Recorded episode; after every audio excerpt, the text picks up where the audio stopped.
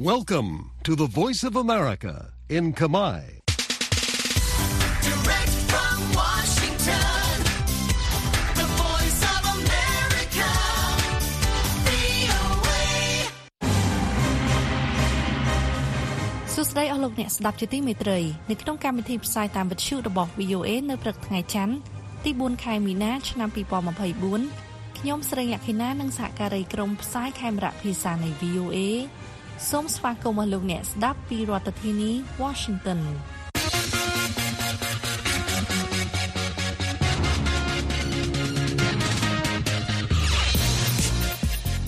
នៅក្នុងការផ្សាយរបស់ VOA ជាបន្តបន្តទៅនេះយើងមានសេចក្តីរាយការណ៍អំពីលោក Biden និងលោក Trump ធ្វើទស្សនកិច្ចផ្សេងគ្នាទៅកាន់ព្រំដែនអាមេរិកជាប់ប្រទេសមិចស៊ិកព័ត៌មានคล้ายៗនឹង AI បង្កការព្រួយបារម្ភនៅមុនការបោះឆ្នោតនៅប្រទេសទូគី ជនជាតិអ៊ុយក្រែនគាំទ្រកងទ័ពនៅក្នុងអំឡុងពេលសង្គ្រាម2ឆ្នាំកាសែតភ្នំពេញប៉ុស្តិ៍នឹងឈប់បោះពុម្ពផ្សាយកាសែតដោយសារតែបញ្ហាហិរញ្ញវត្ថុប៉ុន្តែនឹងបន្តផ្សាយព័ត៌មានតាមអនឡាញទីភ្នាក់ងារ FAA ទុកពេល90ថ្ងៃឲ្យក្រុមហ៊ុន Boeing រៀបចំផែនការដោះស្រាយបញ្ហាសន្តិសុខកាលពីថ្ងៃទី29ខែកុម្ភៈប្រធានាធិបតីសហរដ្ឋអាមេរិកលោកโจ Biden និងអតីតប្រធានាធិបតីសហរដ្ឋអាមេរិកលោក Donald Trump ដែលជាគូប្រជែងចម្បងរបស់លោកបានធ្វើដំណើរផ្សេងគ្នាទៅកាន់ព្រំដែនភាគខាងត្បូងសហរដ្ឋអាមេរិកនៅរដ្ឋតិចសាសជាប់នឹងប្រទេសមិចស៊ិកលោកទាំងពីរចង់ទាញចំណាប់អារម្មណ៍សាធារណជន ទៅលើការកើនឡើងនៃជនចំណាក់ស្រុកដែលចង់ចូលក្នុងសហរដ្ឋអាមេរិកប៉ុន្តែសាររបស់លោកទាំងពីរមានលក្ខណៈខុសគ្នាស្រឡះនិងបង្ហាញអំពីទស្សនៈផ្សេងគ្នារវាងគណៈបកប្រជាធិបតេយ្យនិងគណៈបកសាធារណរដ្ឋ ទៅលើបញ្ហាដ៏សំខាន់មួយនេះនៅក្នុងការបោះឆ្នោតអ្នកស្រី Anita Powell អ្នកឆ្លើយឆ្លងព័ត៌មាន VOA ប្រចាំសេតវិមានរាយការណ៍អំពីរឿងនេះពីរដ្ឋធានី Washington ហើយនាងខ្ញុំស្រីលក្ខិណាជួនសេចក្តីប្រាយសម្រួលព្រំដែនតែមួយប៉ុន្តែការបរិយាយខុសគ្នាកាលពីថ្ងៃទី29កុម្ភៈលោក Biden និងលោក Trump បានធ្វើដំណើរផ្សេងគ្នាទៅព្រំដែនអាមេរិកជាប់មិចស៊ិក ដោយលោក Biden ទៅក្រុង Brownsville នៃរដ្ឋ Texas ចំណែកឯលោក Trump ទៅក្រុង Eagle Pass នៃរដ្ឋនេះចំណុចមួយដែលគូប្រជែងទាំងពីរយល់ដូចគ្នាគឺថាការកើនឡើងថ្មីៗនេះនៃជនចំណាក់ស្រុកឆ្លងព្រំដែនគឺជាបញ្ហាប្រឈមមួយនៅក្រុង Brownsville លោក Biden លើកសរសើរពីសេចក្តីព្រាងច្បាប់ដែលរដ្ឋសភាគ្រប់គ្រងដោយគណៈបកសាធារណរដ្ឋកំពុងប្រឆាំងលោកប្រធានាធិបតី Biden ថ្លែងថា Folks, on my first day as ថ្ងៃ president, ទី1ពេលខ្ញុំចូលកាន់តំណែងជាប្រធានាធិបតីខ្ញុំបានស្នើសេចក្តីព្រាងច្បាប់មួយទៅសភាដែលនោះគឺផែនការដោះស្រាយប្រព័ន្ធអន្តោប្រវេសន៍បាក់បែកមួយនិងដើម្បីការពារព្រំដែនប៉ុន្តែសភាមិនបានចាត់វិធានការអ្វីទេប៉ុន្មានខែមុនក្រុមរបស់ខ្ញុំបានចាប់ផ្ដើមការចរចាមើងម៉ាត់រវាងសមាជិកព្រឹទ្ធសភាសមាជិកបកប្រជាធិបតេយ្យសមាជិកជាន់ខ្ពស់បកសាធារណរដ្ឋនិងអ្នកប្រជាធិបតេយ្យវិវត្តនិយមដោយសម្រេចបានសេចក្តីព្រាងច្បាប់មួយ វាជាកំណែទម្រង់ព្រំដែនដ៏ខ្លាំងក្លាមួយដែលយើងមិនដែលបានឃើញក្នុងប្រទេសរបស់យើងផ្ទុយទៅវិញលោក Trump ហៅស្ថានភាពព្រំដែនថាជាសង្គ្រាមមួយនិងថាគោលនយោបាយលោក Biden អនុញ្ញាតឲ្យជនចំណាក់ស្រុករាប់ពាន់នាក់ដែលលោកចោទថាជាអ ுக ្រិតជនចូលទៅក្នុងសហរដ្ឋអាមេរិកអតីតប្រធានាធិបតីលោក Donald Trump ថ្លែងថា but this is a Joe Biden. នេះគឺជាការឈ្លានពានរបស់លោក Biden ក្នុងពេល3ឆ្នាំកន្លងមក អភិបាលរដ្ឋតិចសាសមកពីបកសាធារណរដ្ឋបានជួបជាមួយលោក Trump ជាជាងជួបលោក Biden និងបានបដិញ្ញាបន្តវិធានការគ្រប់គ្រងព្រំដែនដែលបង្កឲ្យមានការតតាំងផ្លូវច្បាប់ជាមួយរដ្ឋាភិបាលអាមេរិកអ្នកវិភាគនយោបាយនៅរដ្ឋតិចសាសថាការស្ទង់មតិថ្មីថ្មីៗបង្ហាញថាអន្តោប្រវេសន៍គឺជាបញ្ហាលេចឡើងមួយសម្រាប់អ្នកបោះឆ្នោតខាងបកប្រជាធិបតេយ្យនៅរដ្ឋតិចសាសលោក Joshua Blank ប្រធានផ្នែកស្រាវជ្រាវគម្រោងនយោបាយតិចសាសនៃសាកលវិទ្យាល័យតិចសាសក្រុង Austin និយាយថា the border is now creeping up in Democratic voters' minds as an issue that, you know, uh, ឥឡូវនេះអ្នកបោះឆ្នោតខាងបកប្រជាធិបតេយ្យកាន់តែបារម្ភអំពីបញ្ហាព្រំដែនស្របពេលជាមួយគ្នានេះបកប្រជាធិបតេយ្យមិនមានចំហច្បាស់លាស់ថាត្រូវធ្វើអ្វីចំពោះបញ្ហានេះនោះទេលោក Biden បានបញ្ជូនសារបែបលក្ខណៈផ្សះផ្សាមួយទៅកាន់លោក Trump ដូចនេះថា So here's what I would say to Mr. អ្វី Trump. ដែលខ្ញុំអាចនិយាយទៅកាន់លោក Trump គឺថាជាជាងលេងនយោបាយដោយប្រើបញ្ហានេះ ជាជាងប្រាប់ឲ្យសមាជិកសភារារាំងសំណើច្បាប់នេះលោក Trump ត្រូវចូលរួមជាមួយខ្ញុំឬខ្ញុំនឹងចូលរួមជាមួយលោកហើយប្រាប់ទៅសភាឲ្យអនុម័តសេចក្តីព្រាងច្បាប់សន្តិសុខព្រំដែនទ្វេបកនេះយើងអាចធ្វើកិច្ចការនេះរួមគ្នាបានវោហារសាស្ត្រផ្សះផ្សានេះប៉ះគ្នាជាមួយនឹងវោហារសាស្ត្រដ៏ខ្លាំងក្លារបស់លោក Trump លោក Trump ថ្លែងថា They look like warriors to me. Something's going on that's bad now. The ពួកគេមើលទៅដូចអ្នកប្រយុទ្ធអញ្ចឹងឥឡូវអាមេរិកគ្របដណ្ដប់ដោយអ ுக ្រិតកម្មជនចំណាក់ស្រុករបស់លោក Biden វាជាការបំពានដ៏សាហាវបែបថ្មីមួយលើប្រទេសរបស់យើងវាជាអ ுக ្រិតកម្មជនចំណាក់ស្រុក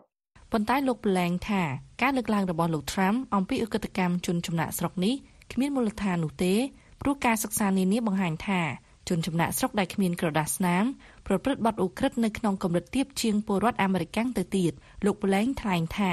Donald Trump uh, plays with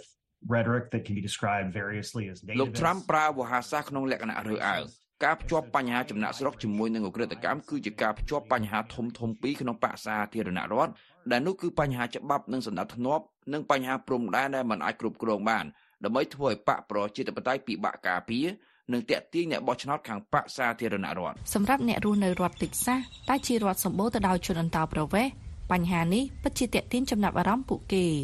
តើពួកគេឯកភាពតាមការបរិយាយមួយណា ពីរដ្ឋធានី Washington ខ្ញុំស្រីអ្នកខេណា VOA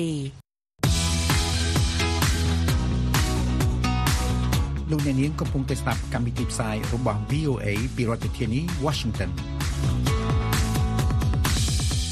សម្ព័ន្ធមិត្តនយោបាយរបស់ប្រធានាធិបតីទូគីលោក Recep Tayyip Erdogan ចង់គ្រប់គ្រងទីក្រុងអ៊ីស្តង់ប៊ូលឡើងវិញនៅក្នុងការបោះឆ្នោតនៅក្នុងតំបន់ដែលមានការប្រកួតប្រជែងយ៉ាងក្តៅគគុកនៅក្នុងខែមីនាហើយប្រព័ន្ធផ្សព្វផ្សាយប្រឆាំង កំពុងប្រមានអំពីយុទ្ធសាស្ត្រដែលពួកគេកំពុងប្រើរួមទាំងបច្ចេកវិទ្យាបញ្ញានិម្មិតនិងវីដេអូคล้ายៗក្នុងការផ្សាយពាណិជ្ជកម្មយុទ្ធនាការលោក Dorian Jones រាយការណ៍អំពីរឿងនេះពីទីក្រុងអ៊ីស្តង់ប៊ូលថាអ្នកប្រឆាំងនិយាយថាវិធានការទាំងនេះកំពុងឈានទៅដល់ការបង្ក្រាបរបស់រដ្ឋាភិបាលទៅលើការទទួលបានព័ត៌មានពីបណ្ដាញអន្តរជាតិលោកពិនស៊ីសុវណ្ណជួនសេចក្តីប្រាយសម្រួល វីដេអូដែលបង្កើតដោយបញ្ញាសិប្បនិម្មិតនេះរបស់អភិបាលក្រុងកំពង់កណ្ដាលអំណាចលោកអ៊ីក្រាំអ៊ីម៉ាមូក្លូដែលសរសើរសមិទ្ធផលប្រធានាធិបតីទូគីលោក Recep Tayyip Erdogan នៅទីក្រុងអ៊ីស្តង់ប៊ូលកំពុងផ្សព្វផ្សាយក្នុងបណ្ដាញសង្គមការស្ទង់មតិបង្ហាញថាការបោះឆ្នោតនៅទីក្រុងដែលប្រកួតប្រជែងខ្លាំងហើយប្រព័ន្ធផ្សព្វផ្សាយឯករាជ្យពមៀនអំពីព័ត៌មានคล้ายៗគណៈប្រព័ន្ធផ្សព្វផ្សាយធំៗក្រោមការគ្រប់គ្រងរបស់រដ្ឋាភិបាលមិនផ្ទៀងផ្ទាត់ភាពត្រឹមត្រូវនៃវីដេអូនោះទេ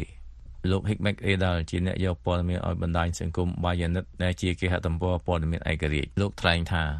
deepfake videolar üretebilirsiniz. អ្នកអាចផលិតវីដេអូคล้ายៗតាមការផ្សាយពាណិជ្ជកម្មវីដេអូคล้ายៗធម្មតាមិនត្រូវបានបង្ហោះនៅលើគេហទំព័រព័ត៌មានទេប៉ុន្តែមនុស្សរាប់លានអ្នកបានមើលតាមការផ្សាយពាណិជ្ជកម្ម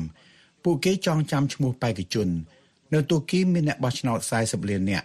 ពេលសួរថាតើលោកអ៊ីក្រាំអ៊ីម៉ាម៉ូក្លូ ពិតជាបាននិយាយរឿងនេះមែនទេ ពួកគេថាលោកបាននិយាយមែនព្រោះពួកគេមើលប្រព័ន្ធផ្សព្វផ្សាយធំៗរួចហើយ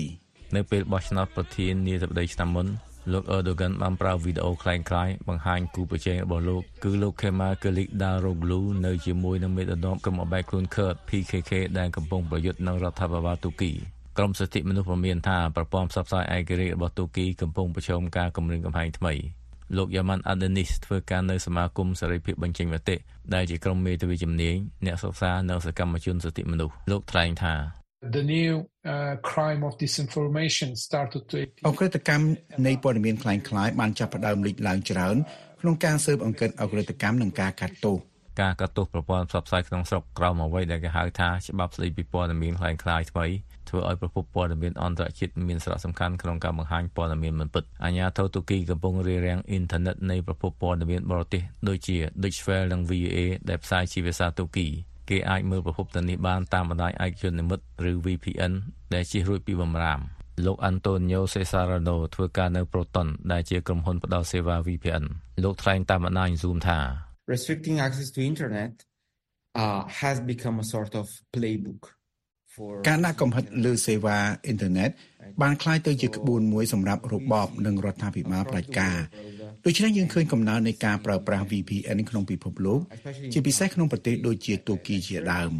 ប៉ុន្តែឥឡូវអាជ្ញាធរទូគីក៏កំពុងហាម5 VPN ខ្លះដែលកំពុងពេញនិយមផងដែរលោក Cesarano ហៅវាថាជាលបែងឆ្មានឹងកណ្ដុរ ហើយអ្នកផ្ដល់សេវានឹងបន្តវិនិយោគលើបណ្ដាញបច្ចេកវិទ្យាដែលអាចឲ្យមនុស្សប្រើអ៊ីនធឺណិតវិញប៉ុន្តែប្រព័ន្ធផ្សព្វផ្សាយឯករាជ្យព្រមានថាពួកគេកំពុងប្រឈមបរាជ័យក្នុងការផ្ទៀងផ្ទាត់ព័ត៌មានមិនពិតលោក Edel បន្តថា Alternatif medya olarak bizim bununla យើងជាប្រព័ន្ធផ្សព្វផ្សាយបន្ទាប់បន្សំយើងមិនអាចតទល់នឹងបញ្ហានេះទេក្រុមយើងមានគ្នាត្រឹម15នាក់ឬច្រើនបំផុត20នាក់ប៉ុន្តែពួកអ្នកផ្សាយរឿងคล้ายៗមានគ្នាច្រើនណាស់ កការស្ទង់មតិបង្ហាញថាការបោះឆ្នោតនៅអ៊ីស្តង់ប៊ូលនៅមានការប្រជែងតឹងតែងអ្នកវិភាគព័ត៌មានថាគ្រោះថ្នាក់នៃព័ត៌មានមិនពិតទំនងជានឹងកើនឡើងហើយដាក់សម្ពាធកាន់តែខ្លាំងលើព័ត៌មានឯករាជ្យពីទីក្រុង Lowell រដ្ឋ Massachusetts ខ្ញុំពុនស៊ីសវណ្ណ VOA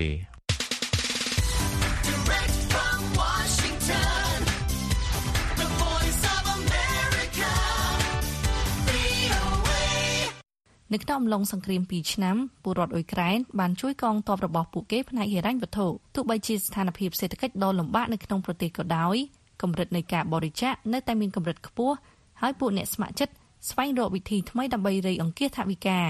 អ្នកស្រី Lesia Bakalet រាយការណ៍អំពីរឿងនេះពីទីក្រុងគៀវហើយលោកម៉ានគឹមសេងជួនសេចក្តីប្រាយសម្រួល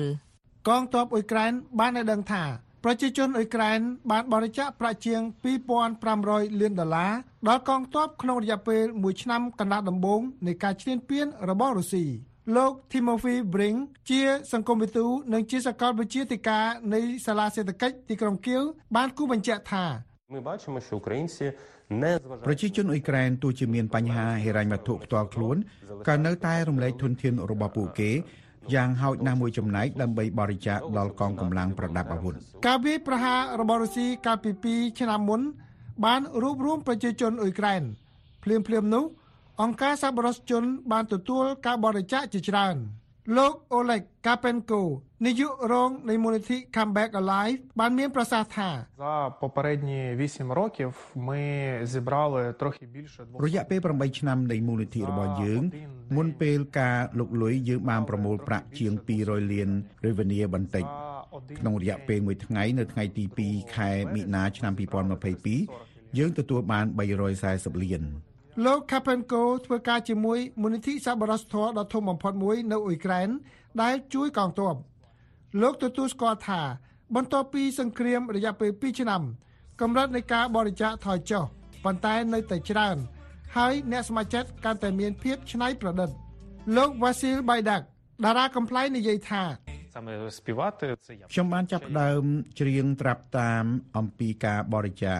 ទោះបីជាខ្ញុំមិនមែនជាអ្នកចម្រៀង កំណត់ច្រៀងត្រាប់តាមបទចម្រៀង Just the Two of Us ដោយសារលោក Vasil Baidak ចង់រៃអង្គាសប្រាក់ឲ្យបានច្រើន លោក Baidak ចាំថា Потрібна була антидронова рушниця. ទាហានត្រូវការកំភ្លើងបាញ់ដ្រូន ដែលមានតម្លៃ50ម៉ឺនរិវនីខ្ញុំយល់ថាខ្ញុំត្រូវប្រមូលលុយនេះឲ្យបានលឿនដូច្នេះខ្ញុំត្រូវធ្វើអ្វីមួយ ដែលនឹងផ្សាយនៅលើ Instagram យ៉ាងរហ័សនិងត្រូវបានបង្ហោះឡើងវិញឲ្យបានច្រើន កំណត់នេះលើសពីការរំពឹងទុកលុយត្រូវបានរៃអង្គាសក្នុងពេល2-3ម៉ោងវិធីសាស្ត្រមួយទៀតគឺការសុំបរិច្ចាគតូចៗដោយមូលនិធិ All for 10របស់អ្នកស្រី Yaro Slavka Kravchenko មូលនិធិរបស់សកម្មជនអ្នកស្រី Yaroslava Kravchenko All for 10ស្នើសុំការបរិច្ចាគតូចៗអ្នកស្រីបានថ្លែងថា Це не залежить від кількості грошей, які у тебе є. В тебе їх វាមិនអាស្រ័យលើចំនួនលុយដែលអ្នកមាននោះទេប៉ុន្តែប្រសិនបើអ្នកបរិច្ចាគ25សេនជារៀងរាល់ថ្ងៃអ្នកនឹងមានអារម្មណ៍ថាការចូលរួមរបស់អ្នកកំពុងបង្កើនល្បឿននៃជ័យជំនះ តាមរយៈការបរិច្ចាគតូចៗទាំងនេះអ្នកស្រី Kravchenko អាចប្រមូលបាន10000 Rielnes ក្នុងមួយថ្ងៃមធ្យោបាយដ៏ពេញនិយមចម្បង ដែលប្រជាជនអ៊ុយក្រែនប្រមូលការបរិច្ចាគគឺតាមរយៈអ្វីដែលគេហៅថា JAR ដែលជាឧបករណ៍ពិសេសមួយ នៅក្នុងធនាគារ Digital Monobank លោក Oleg Gorokowski សហស្ថាបនិកនៃធនាគារ Monobank និយាយថាកម្មវិធី JAR នេះគឺដូចជាកូនជ្រូក Digital សម្រាប់ការសន្សំងាយស្រួល នៅពេលដែលមនុស្សម្នាក់ផ្ទេរប្រាក់ទៅបានអនុពន្ធរបស់អ្នកដទៃ ប្រព័ន្ធធនាគារអាចដាក់កម្រិតលើចំនួន និងទំហំទឹកប្រាក់នៃការផ្ទេរនេះ JAR មានវិធីផ្សេងគ្នា ដែលអនុញ្ញាតឲ្យមនុស្សគ្រប់រូបប្រមូលប្រាក់បានច្រើនដោយគ្មានការជ្រៀតជ្រែកផ្នែកបច្ចេកទេសលោក Oleg Gorokowski បានថ្លែងថា банка це е, កម្មវិធីចាគឺដូចកូនជ្រូក Digital សម្រាប់សន្សំប្រាក់ដោយងាយនៅពេលមនុស្សម្នាក់ផ្ទេរប្រាក់ ទៅបានអនុពន្ធអ្នកដទៃធនាគារអាចដាក់កម្រិតលើចំនួន និងទំហំទឹកប្រាក់នៃប្រតិបត្តិការបែបនេះចាមានវិធីសាស្ត្រផ្សេងគ្នា ដែលអនុញ្ញាតឲ្យអ្នករាល់គ្នាប្រមូលប្រាក់បានច្រើន ដោយគ្មានការជ្រៀតជ្រែកផ្នែកបច្ចេកទេសអ្នកសមាជិកនិយាយថាក្នុងអំឡុងពេល2ឆ្នាំនេះការរៃអង្គាសប្រាក់កាន់តែមានរចនាសម្ព័ន្ធនៅក្នុងប្រទេសអ៊ុយក្រែនពលរដ្ឋអ៊ុយក្រែនបានកំណត់អធិភាពហិរញ្ញវត្ថុ ហើយជឿថាដើម្បីឲ្យប្រទេសមានសេរីពួកគេត្រូវតែគ្រប់គ្រងកងទ័ពបើទោះបីជាស្ថានភាពសេដ្ឋកិច្ចលំបាកក៏ដោយពីរដ្ឋធានី Washington ខ្ញុំម៉ែនកឹមសេង VOA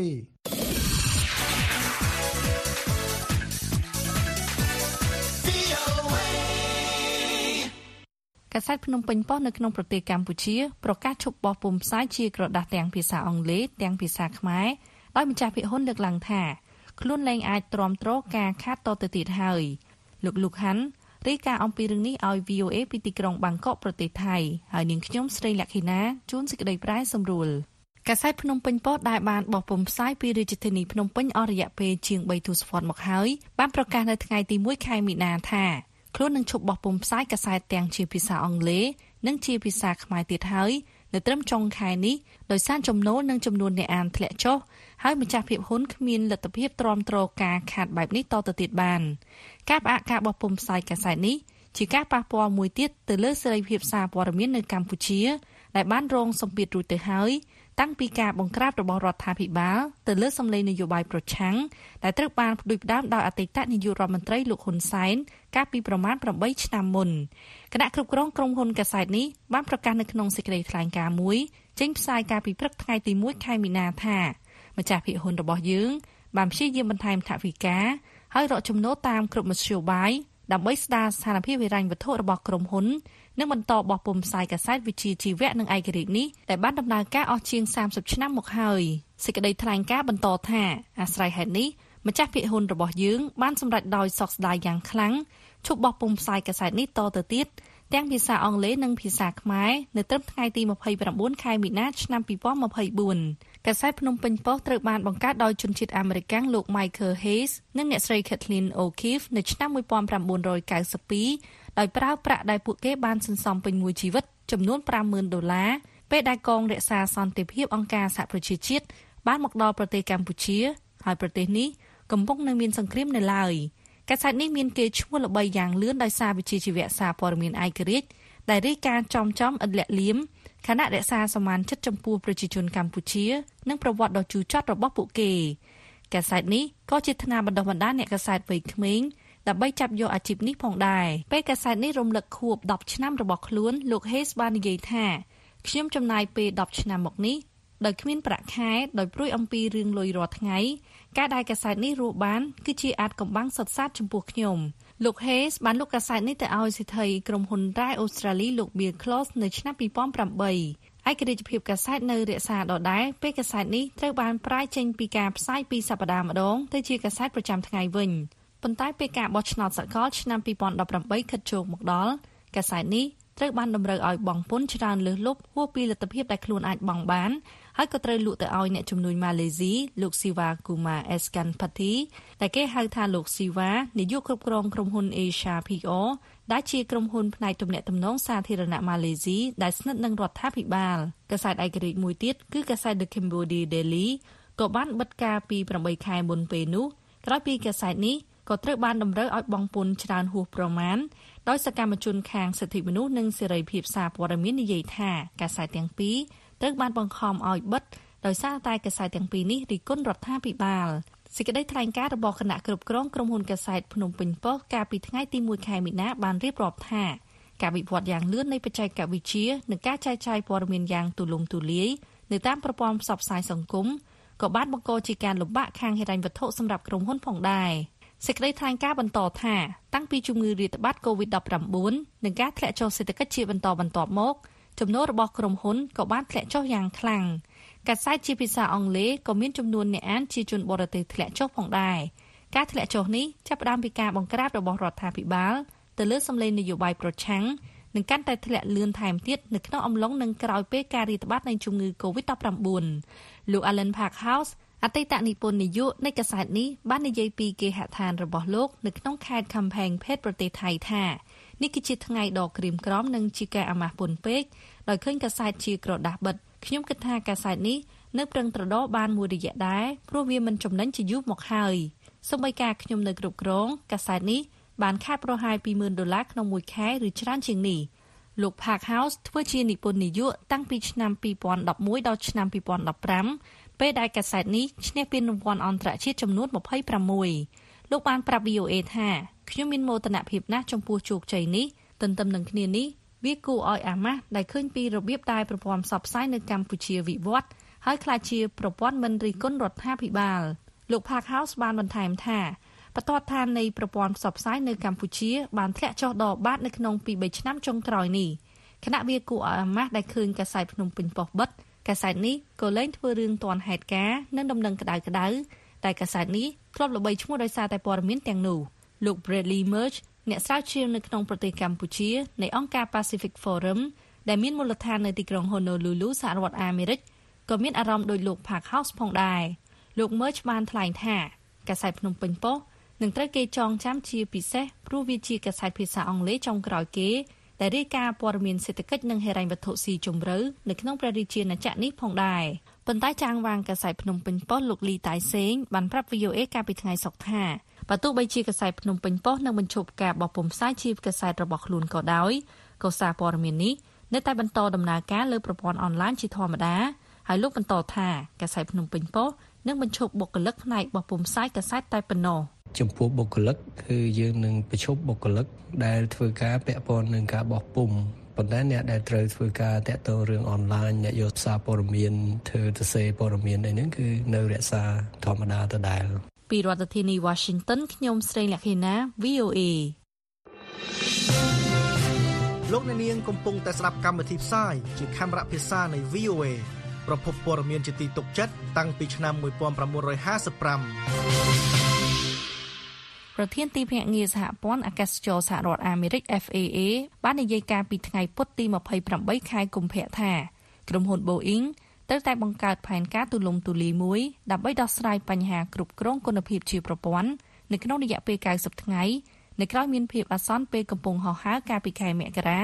ដែលនាំឲ្យមានកង្វល់ជាថ្មីអំពីបញ្ហាសុវត្ថិភាពលោកឈឹមសុមេតប្រែសម្រួលសេចក្តីរាយការណ៍របស់ទីភ្នាក់ងារសារព័ត៌មាន Reuters ដូចតទៅ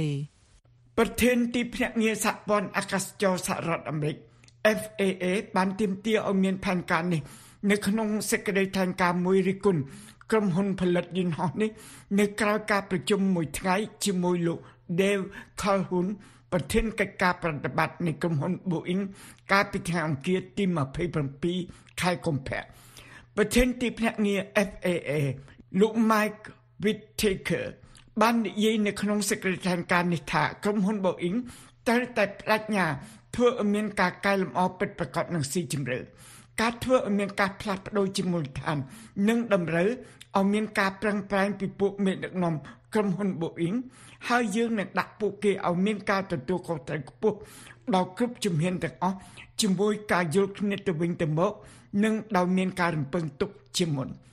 លោកខាល់ហ៊ុនបានថ្លែងនៅក្នុងសេចក្តីថ្លែងការណ៍មួយថាក្រុមមេដឹកនាំក្រុមហ៊ុន Boeing មានការបដិញ្ញាពេញទំហឹងដើម្បីដោះស្រាយកង្វល់របស់ FAA ក្រុមហ៊ុន Boeing បានប្រញាប់ប្រញាល់ពន្យល់និងពង្រឹងសុវត្ថិភាព នៅក្រៅផ្នែកនៃទ្វារមួយនៃយន្តហោះថ្មីមួយគ្រឿងរបស់ក្រុមហ៊ុនអាកាសចរ Alaska Airlines ធុន Boeing 737 MAX 9បានរបើកនៅពេលកំពុងហោះហើរកាលពីថ្ងៃទី5ខែមករាដោយបង្ខំឲ្យអ្នកបើកយន្តហោះនោះចុះចតជាបន្ទាន់នៅពេលអ្នកដំណើរបានស្ថិតក្នុងយន្តហោះនោះ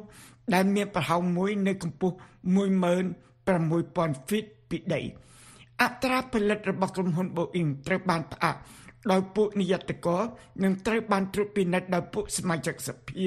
និងពួកអតិថិជន នៅក្រៅឧបតហេតុការពីថ្ងៃទី5ខែមករា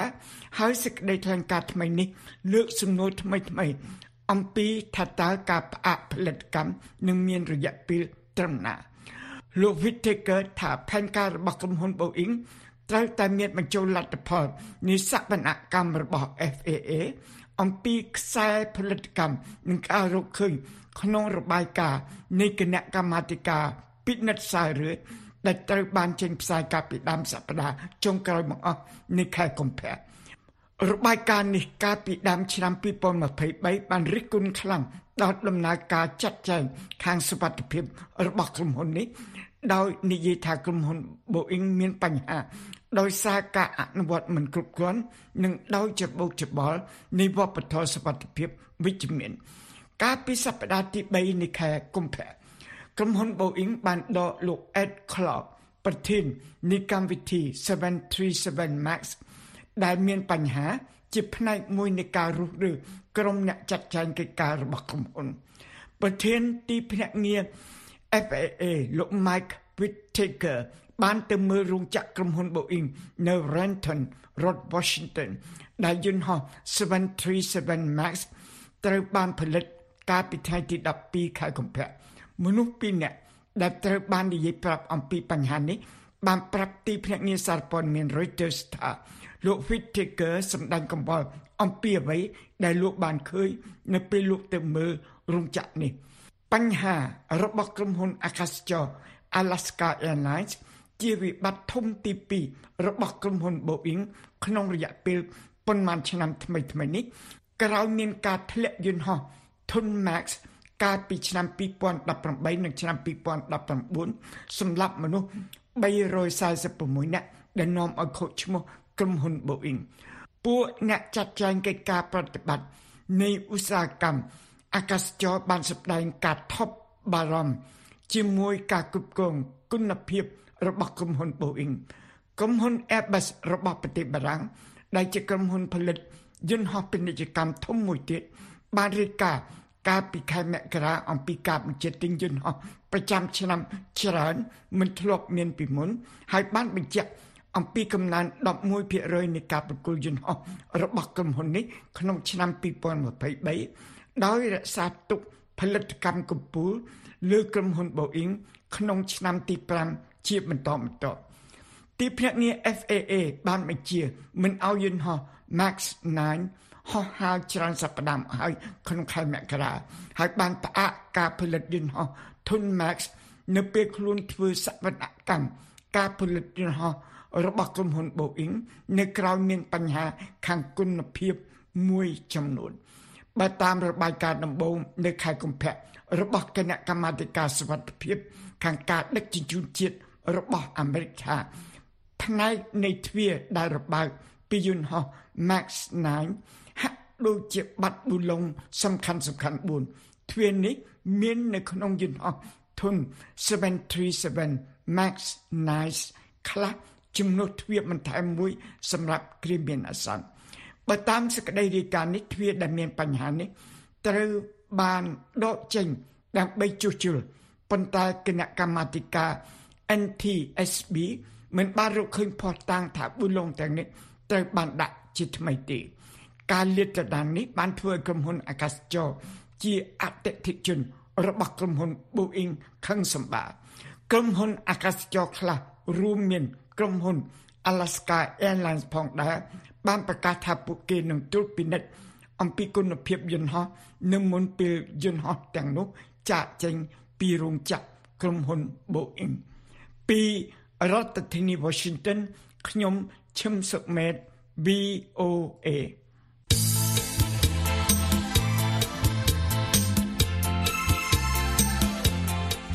ស់លោកអ្នកស្ដាប់ជាទីមេត្រីនៅក្នុងកម្មវិធីផ្សាយរបស់ VOA នៅរាត្រីនេះពីម៉ោង8:30នាទីដល់ម៉ោង9:30នាទីសូមលោកអ្នករងចាំស្ដាប់ព័ត៌មានថ្មីៗពីជុំវិញពិភពលោកនិងកម្មវិធី Hello VOA នៅរាត្រីនេះយើងខ្ញុំអញ្ជើញអ្នកស្រីអេងច័ន្ទឌីនាយិកាអង្គការ Gender និងអភិវឌ្ឍដើម្បីកម្ពុជាជាវិក្កាមអ្នកស្រីនឹងពិភាក្សាប្រធានបទអំពីសារៈសំខាន់នៃការបង្កើតបណ្ដាញគាំទ្រ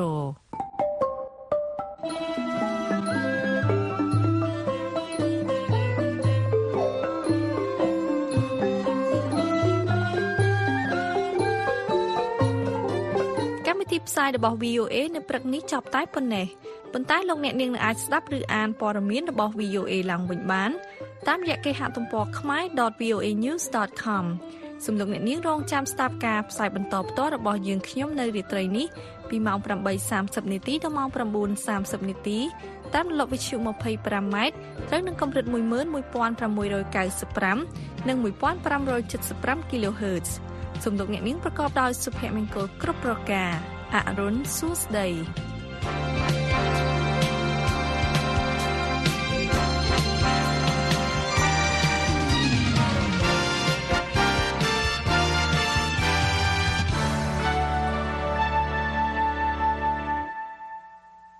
This program has come to you from the Voice of America, Washington.